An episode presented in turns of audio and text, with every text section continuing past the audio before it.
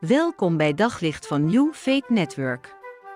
Luister elke dag naar een korte overdenking met inspiratie, bemoediging en wijsheid uit de Bijbel en laat Gods woord jouw hart en gedachten verlichten. In de christelijke wereld heb je de bekende drieslag geloof, hoop en liefde. Eh, kettingjes ervan en zo. Uh, we hebben het heel vaak over geloof. Geloof in God, geloof in Jezus. We hebben het ook heel vaak over de liefde. Heb God lief, heb je naaste lief. Maar we hebben het eigenlijk niet zo vaak over hoop. En dat is waar ik het graag over wil hebben. Over hoopvol leven. En als er één Bijbelgedeelte is wat daar prachtig over schrijft, dan is het uh, Paulus die schrijft in Romeinen 8.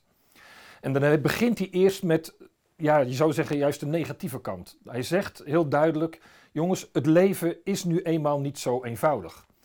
Iets wat we natuurlijk allemaal weten, wat we allemaal kennen. Maar Paulus benadrukt dat heel erg. Hij, zegt, hij heeft het over het lijden van de tegenwoordige tijd.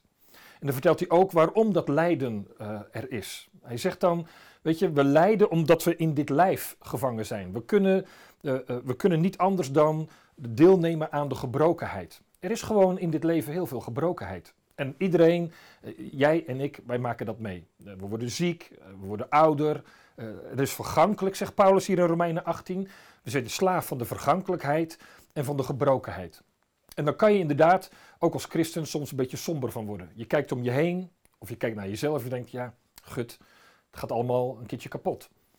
Maar Paulus is niet somber, dan zegt hij eh, in vers 18, ik ben ervan overtuigd dat het lijden van deze tijd in geen verhouding staat tot de luisteren, de heerlijkheid die ons in de toekomst zal worden geopenbaard. Paulus zegt, er is hoop.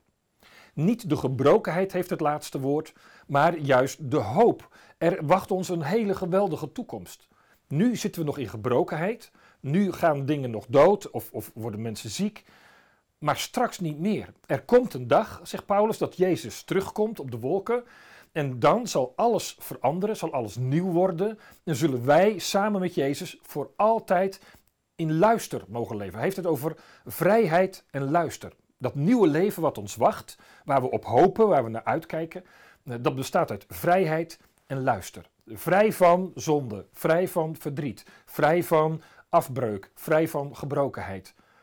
En luister, dat betekent de heerlijkheid van God, de glorie van God, de liefde van God, is dan compleet in ons. We zijn volmaakt.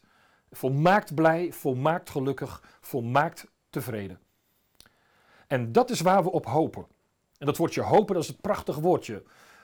Het heeft iets van, Paulus noemt dat met rijkhalzend verlangen uitkijken naar. Hopen wil niet zeggen, stil maar, wacht maar, alles wordt nieuw. Maar hopen betekent vol verlangen kijken, hunkeren.